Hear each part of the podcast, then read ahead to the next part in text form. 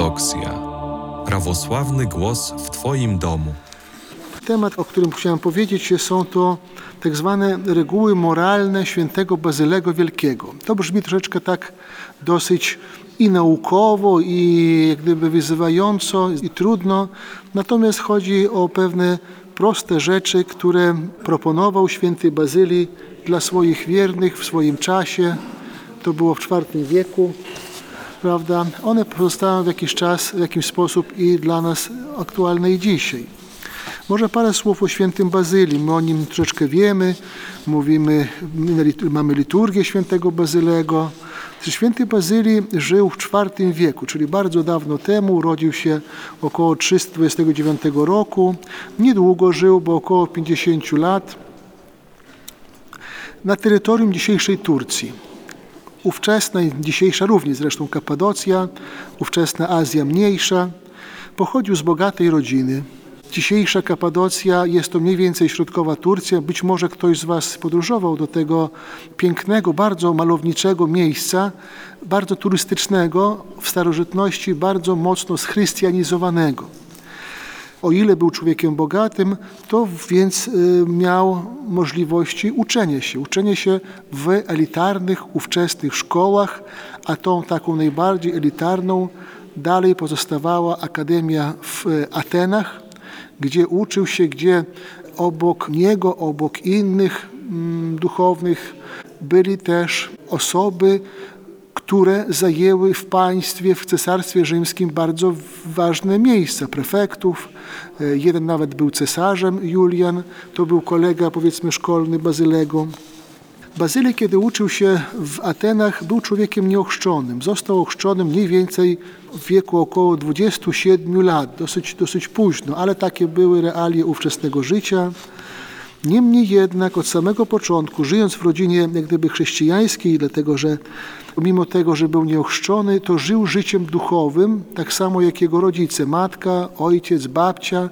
Wśród jego przodków byli męczennicy, a więc ta, ta tradycja chrześcijańska u nich była bardzo długa i Bazylii również tak wnikał, przenikał w tą tradycję, formalnie nie będąc ochrzczonym, niemniej jednak żyjąc życiem ewangelicznym, życiem Bożym, no, życiem chrześcijanina. Będąc już w Atenach, y, szczególnie jeszcze po powrocie z Aten, pociągało go życie ascetyczne. Na, w Kapadocji jeszcze życie estetyczne nie było tak mocno rozwinięte, natomiast w tych środowiskach, gdzie podróżował, w Egipcie, w Syrii, odwiedził te miejsca, bardzo gdyby pragnął również zaszczepić monastycyzm na swoich rodzinnych stronach w Kapadocji.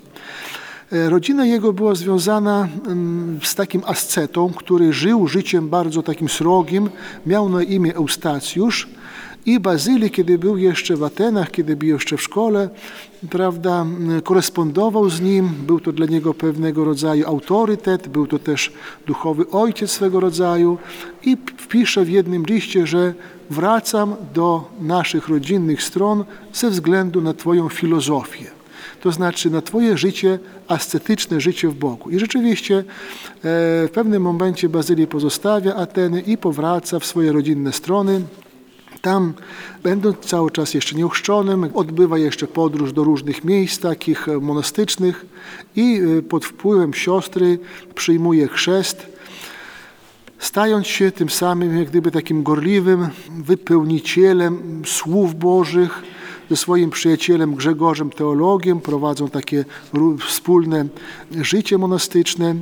I właściwie co jest charakterystyczne, później będzie się przejawiać w jego pismach, e, jak wcześniej powiedziałem, Bazylii pochodził z bogatej rodziny, zarówno ze strony matki, ze strony ojca. Ojciec jego zmarł, kiedy on jeszcze był w Atenach, Natomiast w tym czasie już matka z siostrami, Bazylii miał liczne rodzeństwo, miał pięć sióstr i miał czterech braci. To jest, w sumie ich było dziesięcioro. To takie były liczne rodziny wówczas. Więc matka ze swoimi w większości córkami jakby zakładały takie wspólnoty monastyczne w miejscach ładnie położonych. I właściwie, kiedy my czytamy w życiu albo w żywotach świętych o tym, że jak gdyby oddali, sprzedali swój majątek, czasem to nas to pewnie, budzi pewne wątpliwości.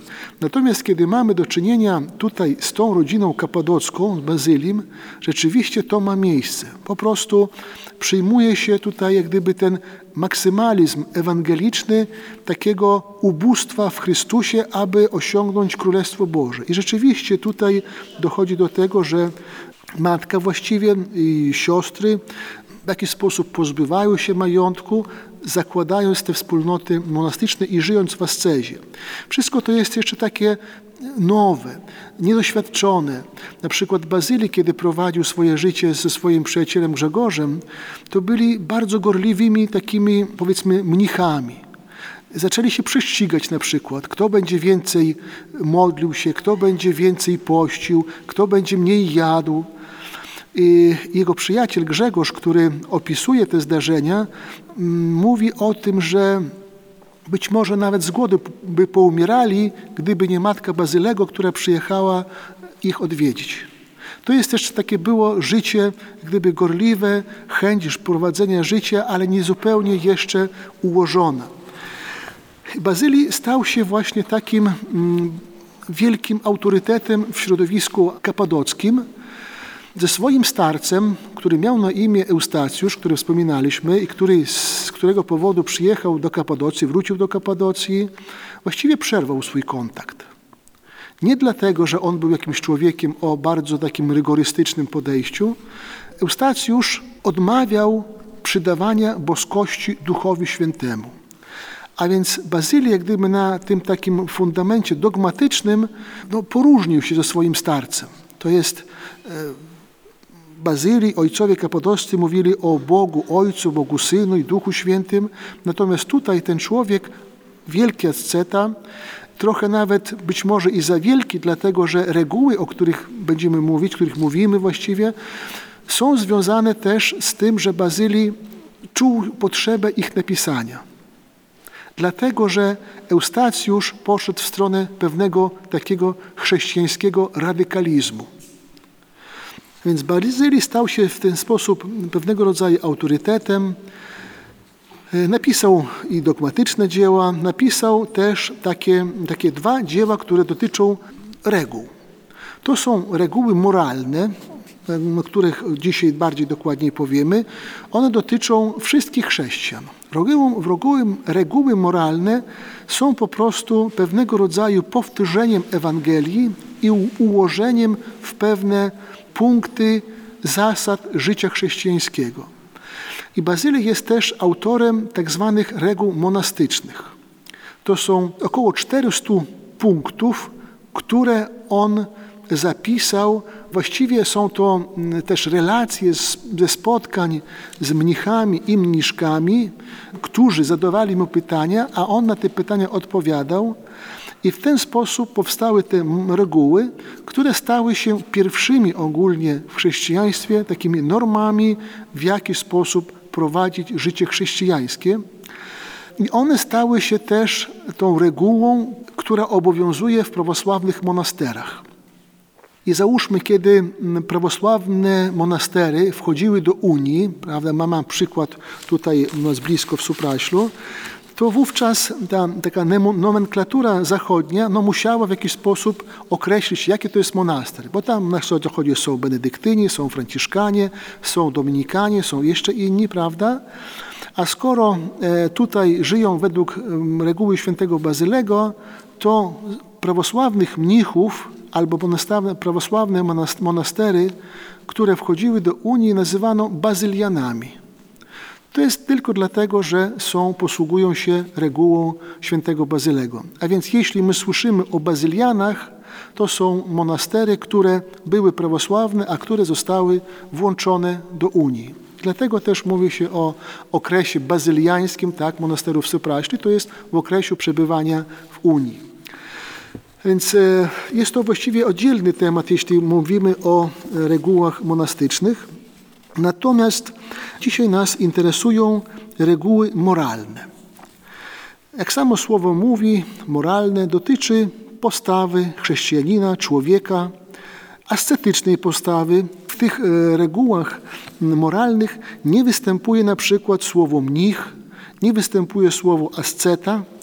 Niemniej jednak jest to bardzo wyraźne przyzwanie chrześcijanina żyjącego w IV wieku, który jeszcze nie tak dobrze był obeznany z Ewangelią, a więc te reguły moralne jest to w tym wypadku 80 zasad, które on jak gdyby wskazuje, punktuje i wszystkie te zasady poparte są cytatami z Pisma Świętego.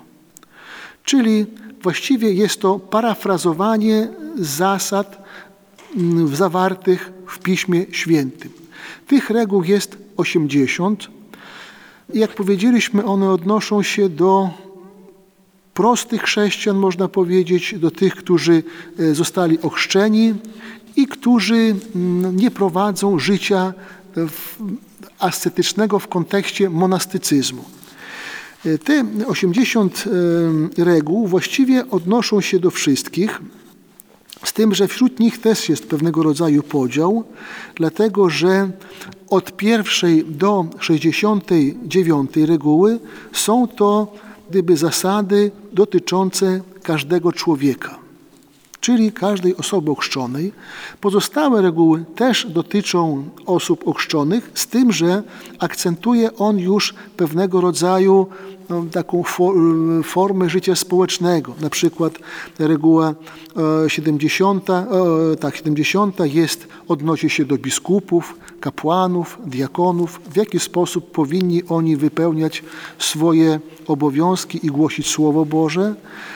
Sam Bazylii był biskupem. Bazylii był biskupem, byśmy powiedzieli, metropolitą pewnego okręgu ze stolicą w Cezarei Kapadockiej i w swoim okręgu, w swoim biskupstwie miał około 30 biskupów.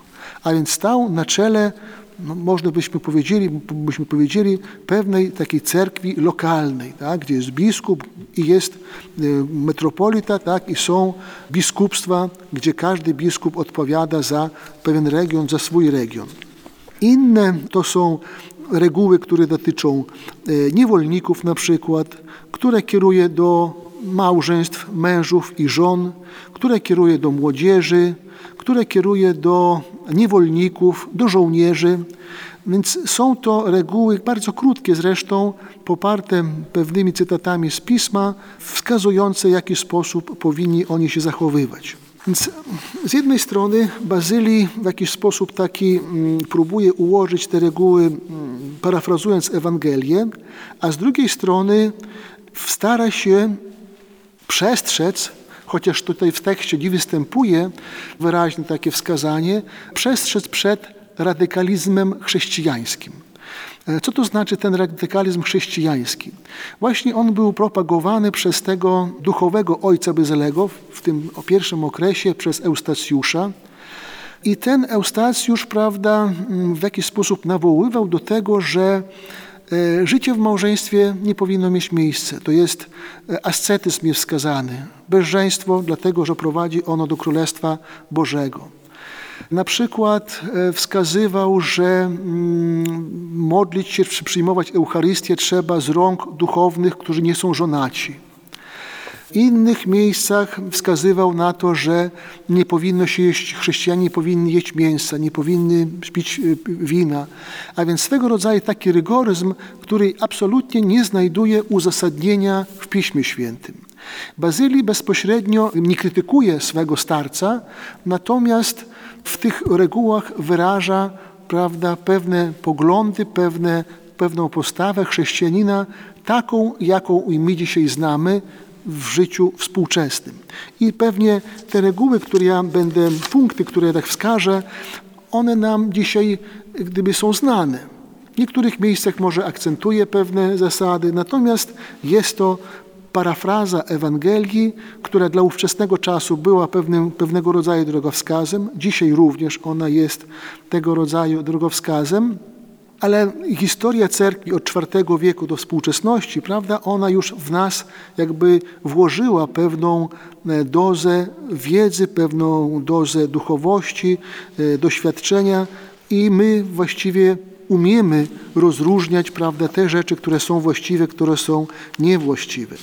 Reguły moralne to przede wszystkim zbiór cytatów z Pisma Świętego, gdzie zwraca się uwagę na moralność, ascezę, unikanie grzechu. W regułach tych nie występuje na przykład jakieś odniesienie się do nauki dogmatycznej w cerkwi. Są to zasady, które on kieruje do różnych osób, różnych stanów, ale zawsze do osób, które żyją życiem ewangelicznym i chcą żyć życiem ewangelicznym. Na co trzeba zwrócić uwagę, żyjąc w świecie obecnie dla chrześcijanina. Stwierdza on, że czas nawrócenia to jest czas teraźniejszy. To jest życie na ziemi, życie, które darował nam Bóg, jest czasem do nawrócenia, jest to czas do odpuszczenia grzechów, dlatego że my w tym życiu, teraz żyjąc, jak gdyby wypracowujemy swoją pozycję czy swoją, swoje miejsce w życiu wiecznym. On będzie bardzo mocno pokazywał to, że to jest właśnie czas nawrócenia współczesny.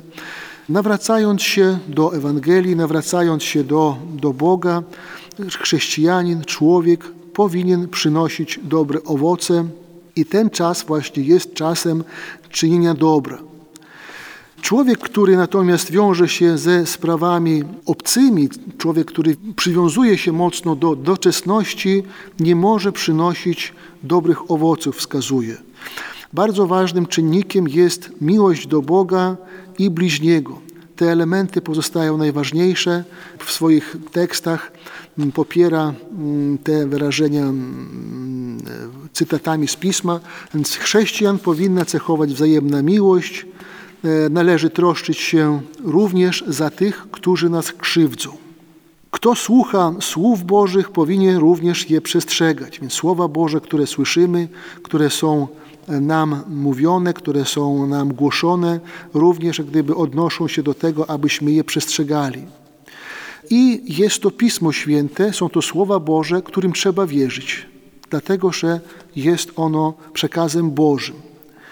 Nawet wówczas, kiedy nam się wydaje to mało prawdopodobne. I on w tej regule, to zdaje się jest reguła ósma, tak, przywołuje przykład apostoła Piotra. A kiedy apostoł Piotr tuż przed śmiercią Chrystusa, prawda, mówi, jeśli wszyscy od Ciebie odstąpią, ja nigdy od Ciebie nie odstąpię. A Chrystus mówi, zobaczysz, jeszcze zanim kogut zapieje, tak, to wyrzekniesz się mnie trzy razy. Piotr nie powierzył temu, w jaki sposób. Ja się nigdy nie wyrzeknę, prawda? A to, co powiedział Chrystus w tym wypadku, to są, powiedział prawdę. W tym momencie dla Piotra bo były rzeczy nie do zaakceptowania i nieprawdziwe, natomiast słowa Jego, słowa Boże były prawdziwe. Tak samo i w Ewangelii, którą my słuchamy, słyszymy, tak, może tak, czy to jest, tak będzie, czy nie będzie, Bazylii mówi, że te słowa Pisma to są prawdziwe, to są słowa Boże, to są słowa i Chrystusowe, i samego Boga. A więc człowiek powinien słuchać słów Bożych i brać je do serca, natomiast nie wchodzić w sprawy, które go nie dotyczą. Większa jest odpowiedzialność człowieka za te czyny, które dokonał z wiedzą tak, niż te, które dokonał bez wiedzy. A więc my czasem mówimy o grzechach tak, świadomych i nieświadomych. Więc Bazylii mówi, że te czyny nieświadome są, są inaczej traktowane, natomiast kiedy człowiek wie, kiedy człowiek ma pewną wiedzę o Bogu, wówczas powinien ją bardziej stosować i e, odnosić do swego życia. Zawsze należy lękać się sądu Bożego.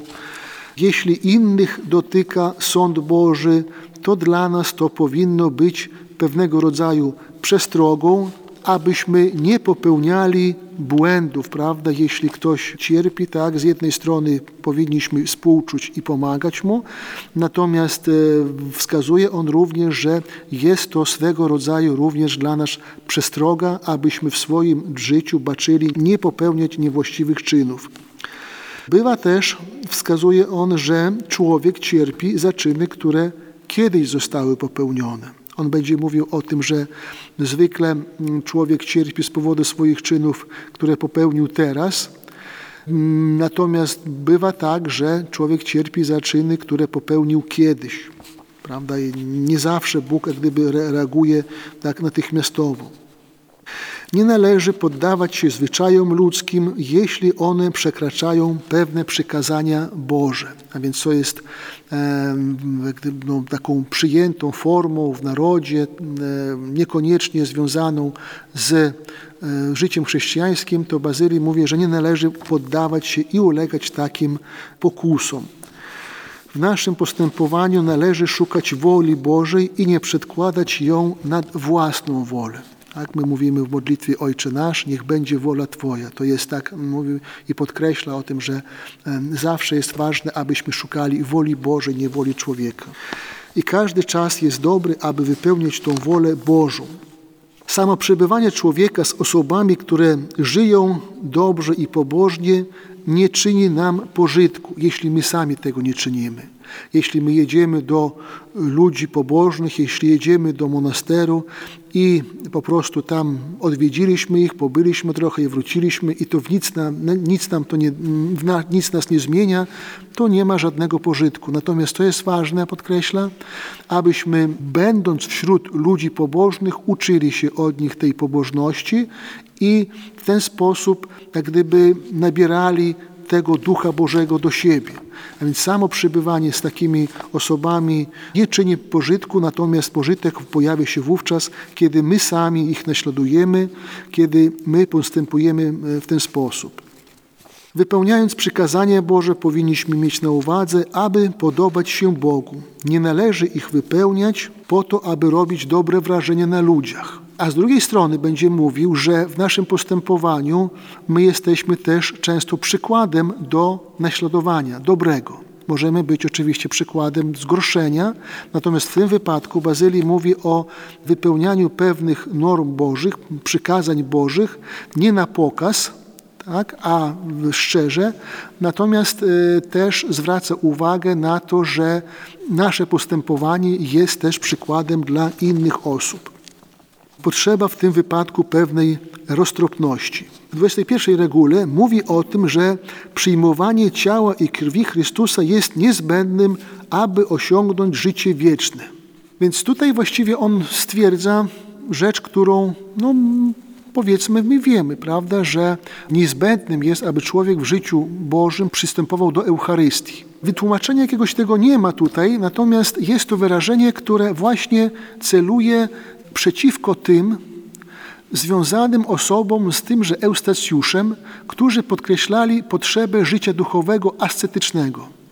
Żyjąc w ascezie, wypełniając przykazania Boże, wypełniając post, modlitwę, to wystarczy, aby człowiek był zbawiony. Bazylii owszem mówi o tym, ale podkreśla, że przyjmowanie Eucharystii jest czymś niezmiernie ważnym, aby osiągnąć życie Boże, życie, życie wieczne. To jest to, co my dzisiaj wypełniamy. Natomiast w okresie, kiedy żył Bazylii, była grupa ludzi, która mówiła coś, no może nie tyle odwrotnego, ale wskazywała, że to nie jest konieczne. Konieczne są inne rzeczy. Każdy grzech oddala człowieka od Boga, jeden grzech pociąga człowieka do drugiego grzechu i właściwie w ten sposób może uwikłać człowieka w, w cały szereg złych postępowań, w cały szereg grzechów. Nie należy kłamać, nie należy wdawać się w dociekania pewnych spraw, które nas nie dotyczą. Nie być też naiwnym wobec osób, które udają prawdę. Tą prawdę należy rozpoznawać według pisma. I Bazylii bardzo mocno zwraca uwagę na właśnie pismo, na znajomość pisma. Jeśli my znamy Pismo Święte, to my, znając to pismo, wiemy, kto mówi prawdę, kto nie mówi prawdy. Więc tutaj bardzo często on się gdyby powołuje na pismo w wielu kontekstach, później jeszcze się pojawi, pojawi się to odniesienie, prawda, gdzie byśmy umieli posługiwać się swoim rozsądkiem, słuchać każdego, ale trzeba rozsądzać, co jest zgodne z pismem, a co nie jest zgodne z pismem. U Bazylego jeszcze nie ma tej, tej mocy tradycji. My dzisiaj posługujemy się też wątkiem tradycji. Nie należy mieszać rzeczy pospolitych ze świętymi. Właściwie chodzi tutaj o pewne rzeczy, które my stosujemy w naszym życiu. Ikonki, oleje święte, czy jeszcze inne rzeczy. Niewolnie należy mieszać z, z rzeczami codziennego użytku i właściwie w naszych domach, jeśli ktoś przywodzi jakieś rzeczy święte z różnych pielgrzymach, podróży, prawda, zwykle mamy takie miejsce, gdzie się modlimy, gdzie ustawiamy te rzeczy. Prawda? Tutaj u jego, w jego okresie prawdopodobnie zauważał pewne takie wymieszanie rzeczy i świętych, i rzeczy codziennego użytku. Czasem i u nas teraz bywa takie, że pewne rzeczy święte my mieszamy z rzeczami codziennego użytku. Ja na przykład zwracam uwagę na przykład na bryloczki od kluczy. Prawda? Dzisiaj bardzo często może w takich kupić takie turystyczne e, rzeczy tak, wizerunkiem świętych. O taka ozdoba. I tutaj to jest rzecz święta, a my ją no, w jakiś sposób tak traktujemy nie, dosyć pospolity. I takich przykładów można byłoby mnożyć. Nie należy dawać zgorszenia. Zgorszeniem jest to, co sprzeciwia się woli Bożej. Więc dla uniknięcia zgorszenia należy czynić e, nawet to, co nie jest konieczne. I tutaj właściwie takie słowa dosyć niezrozumiałe. Ja wówczas sięgnąłem do e, przykładów z Ewangelii, jakich, co to należy, co należy czynić, jeśli to nie jest konieczne. I on tutaj jak gdyby powołuje się na przykład o, opowieści z Ewangelii, kiedy Chrystus e, idąc z jednym z apostołów gdyby płaci podatek. E, wymagano od niego podatku, więc e, Chrystus kazał zarzucić, zdaje się, sieć, wyłowił rybę, znalazł denara i zapłacił podatek. To nie było konieczne, ale jeśli, żeby nie sieć zgorszenia, to on e, gdyby no, zrobił to, co było, nie było konieczne, ale to, co o, jego, o, o niego prosili. Każdy na swoją miarę powinien dawać wzór innym. Zawsze powinniśmy być gorliwi w czynieniu dobra, mm, chociażby małych rzeczy. I tutaj tak samo, jak gdyby przywołuje Ewangelię Mateusza, podanie kubka wody komuś jest to rzeczą dobrą, która zostanie policzona kiedyś na, na, na plus. W wierze trzeba zachowywać stałość. Nie należy słuchać, którzy głoszą e, fałszywe nauki, Słabszych w wierze należy traktować troskliwie, przekonywać, nie zaniedbywać też przykazań. Wypełniać należy równo przykazania mniejsze i większe. Bardzo często też w swoich tych tekstach przestrzega przed bogactwem, nawołuje do skromności i mówi wyraźnie, cytat, nie należy być bogatym, ale ubogim. Tak? I właściwie w jego rodzinie to widać, że te bogactwo zostało rozdane. Natomiast jeśli chodzi o jego rodzinę wcześniejszą, ojca, matkę, to wszyscy oni pochodzili z znamienitych rodów i z bogatych rodów. I gdyby nie majątek rodzinny, który posiadał Bazylii, nauk takich, jakich on zdobył, prawdopodobnie nie miałby możliwości zdobyć. No ten człowiek wówczas mógł się kształcić, który był bogaty, który miał zasoby. Dzisiaj również za granicę wyjechać, prawda, człowiek powinien mieć zasoby, ale jest zupełnie, zupełnie jest inaczej, jak gdyby z możliwością zdobywania wiedzy. Należy pracować w życiu, unikać spraw sądowych, nie wdawać się w kłótnie, żyć w pokoju, o ile to możliwe i nie mścić się, nie oddawać się gdyby złem za zło. Przede wszystkim trzeba dbać o swoją ułomność, a potem poprawiać innych. To jest samemu wypełniać przykazania, a potem wypełniać od innych. Nie należy milczeć, gdy ktoś grzeszy, przy tym też nie należy popełniać samemu grzechu. Nie wpadać w osądzenie bardzo często też u ojców w pustyni jest, prawda, że kogoś poprawić jest rzeczą naturalną, natomiast te nasze poprawianie nie może być po prostu wpadaniem naszym w grzech. Jeśli kogoś trzeba upomnieć, tak, to nie możesz, nie możemy my jak gdyby rozgniewać się, bo to już sami na siebie sprowadzamy grzech. Nie powinien chrześcijanin pamiętać doznanych krzywd, nie należy wzajemnie osądzać się. Jeśli nie mamy dobrego rozeznania, to nie powinniśmy wydawać swoich sądów, ani też być wstronniczym w różnych sprawach. Tak samo nie należy pochopnie potępiać, jeśli nie rozpatrzymy sprawy, jeśli nie dowiemy się dokładnie, czego ona dotyczy. dziękować Bogu za wszystko. Zanim przystąpimy do posiłku, należy najpierw podziękować Bogu, a potem go spożywać. Modlić się jedni za drugich, za tych, którzy głoszą Ewangelię i wskazuje też, że należy modlić się za nieprzyjaciół. W tychże 57 zdaje się regule mówi o tym, że mężczyzna nie powinien modlić się z głową nakrytą, ani kobieta z głową odkrytą. To właściwie powtarza apostoła Pawła, prawda, gdzie mężczyźni powinni mieć odkryte głowy w czasie modlitwy, kobiety nakryte. Nie należy sądzić, że dar Boży, to jest łaskę Bożą, można nabywać za pieniądze lub podstępnie. Kto właściwie użytkuje dar Boży, na jego chwałę otrzymuje też kolejne dary. Kto zaś nie czyni użytku z darów Bożych, zostaje mu odebrane te, co, to, co posiadał. I tutaj też przywodzi fragment Ewangelii o talentach, gdzie jest powiedziane, gdzie mowa jest o tym, że E, Pan wyjeżdżając jednemu powierzył pięć talentów, drugiemu powierzył dwa talenty, jednemu jeden powierzył. Tak? Ten, który miał pięć talentów, umnożył to, co miał, kolejny jak gdyby przysposobił pięć, ten, który miał dwa, kolejne dwa, a ten, który miał jeden, zakopał i trzymał, tak? bo Pan będzie się gniewał, jeśli go stracę. Tutaj jak gdyby i w Ewangelii mowa jest o tym, aby człowiek w swoim życiu był twórczym i e, jak gdyby przysposabiał i tworzył coś. Tak samo i tutaj on mówi o darach Bożych, że człowiek powinien w życiu być twórczym, a nie pozostawać takim pasywnym. Ludzie otrzymują różne dary duchowe i te materialne. Nie powinni zazdrościć jeden drugiemu. Nie powinno się pogardzać ludźmi prostymi, zwłaszcza tymi, którzy współdziałają z łaską Pana, tak on mówi.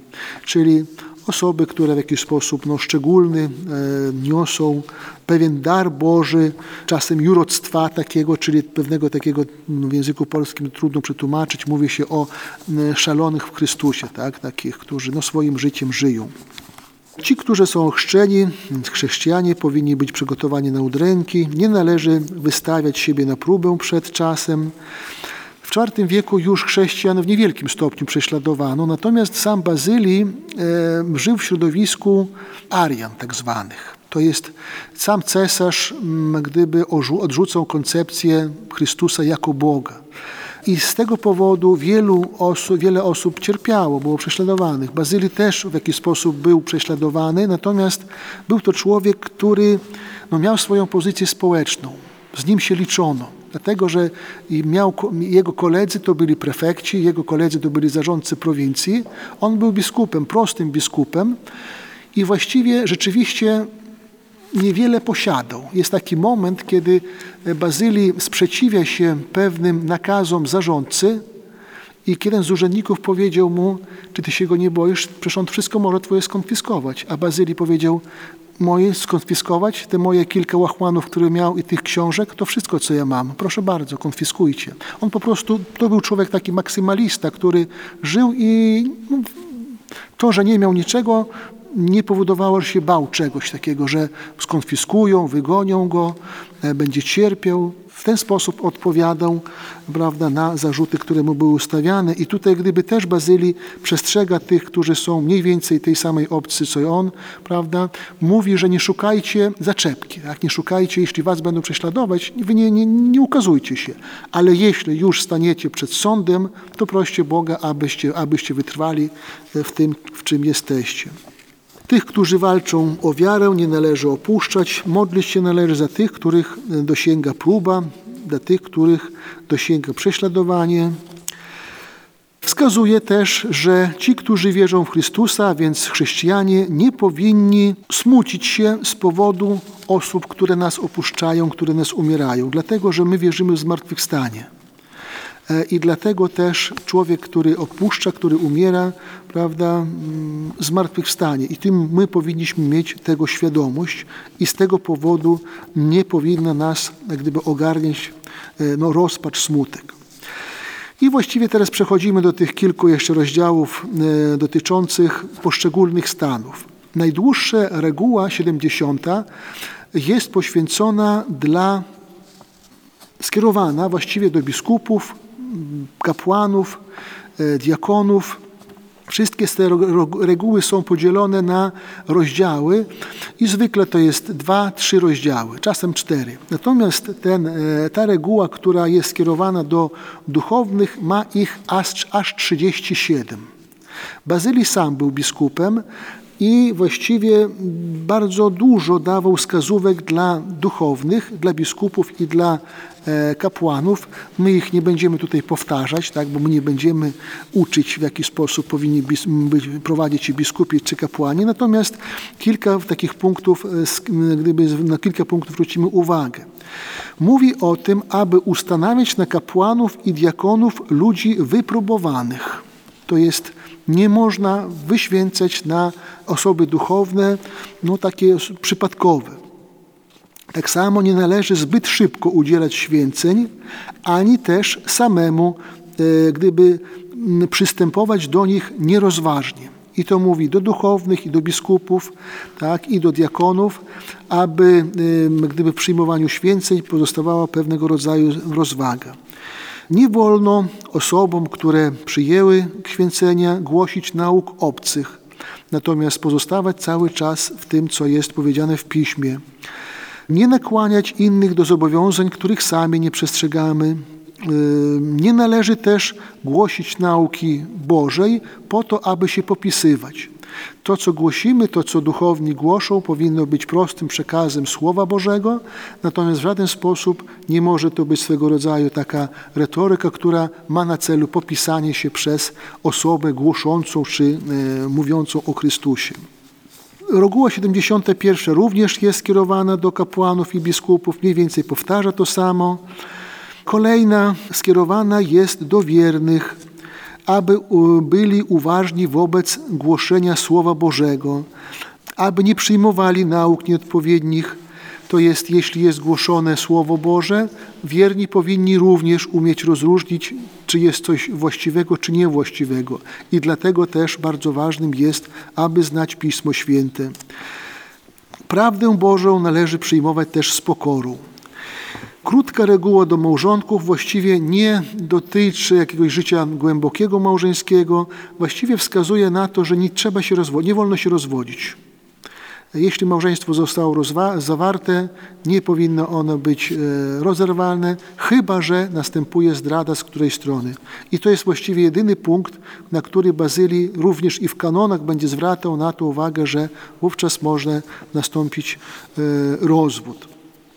Do wdów tak, nic nie ma, nic nie, nie o zamążpójściu, zamążpójściu ponownym. Mówi o tym, aby trwały w modlitwie. I trzeba powiedzieć, że stan wdowieństwa był pewnego rodzaju porównywalny stanem duchownym. Tam gdyby były diakonise, wciągały na, na listę diakonis i gdy była też lista wdów, to jest pobożnych kobiet, które, które żyły życiem pobożnym. Do niewolników Bazylii w żaden sposób nie sankcjonuje prawda, instytucji niewolnictwa. W starożytności była ona no, dosyć popularna i długo popularna.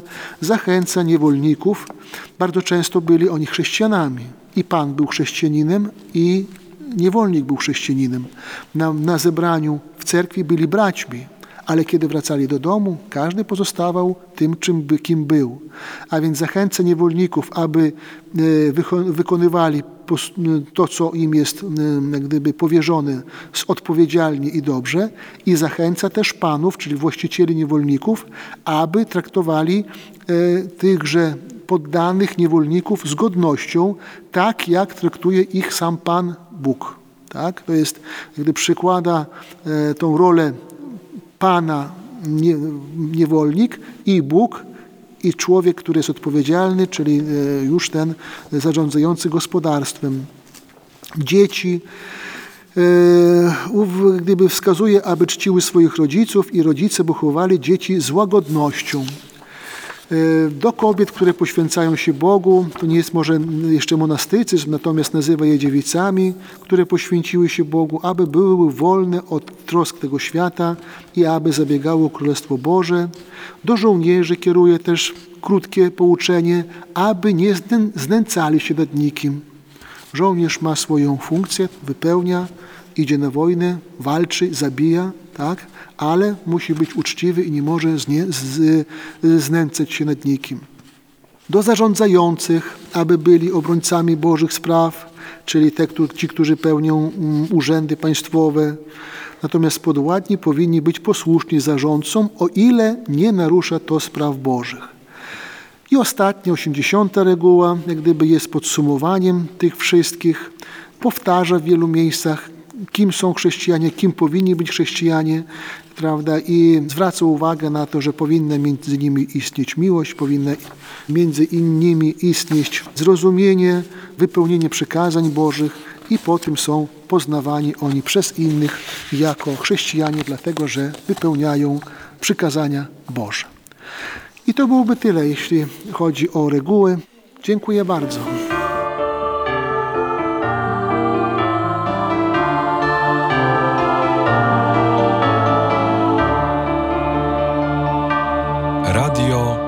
Ortodoksja.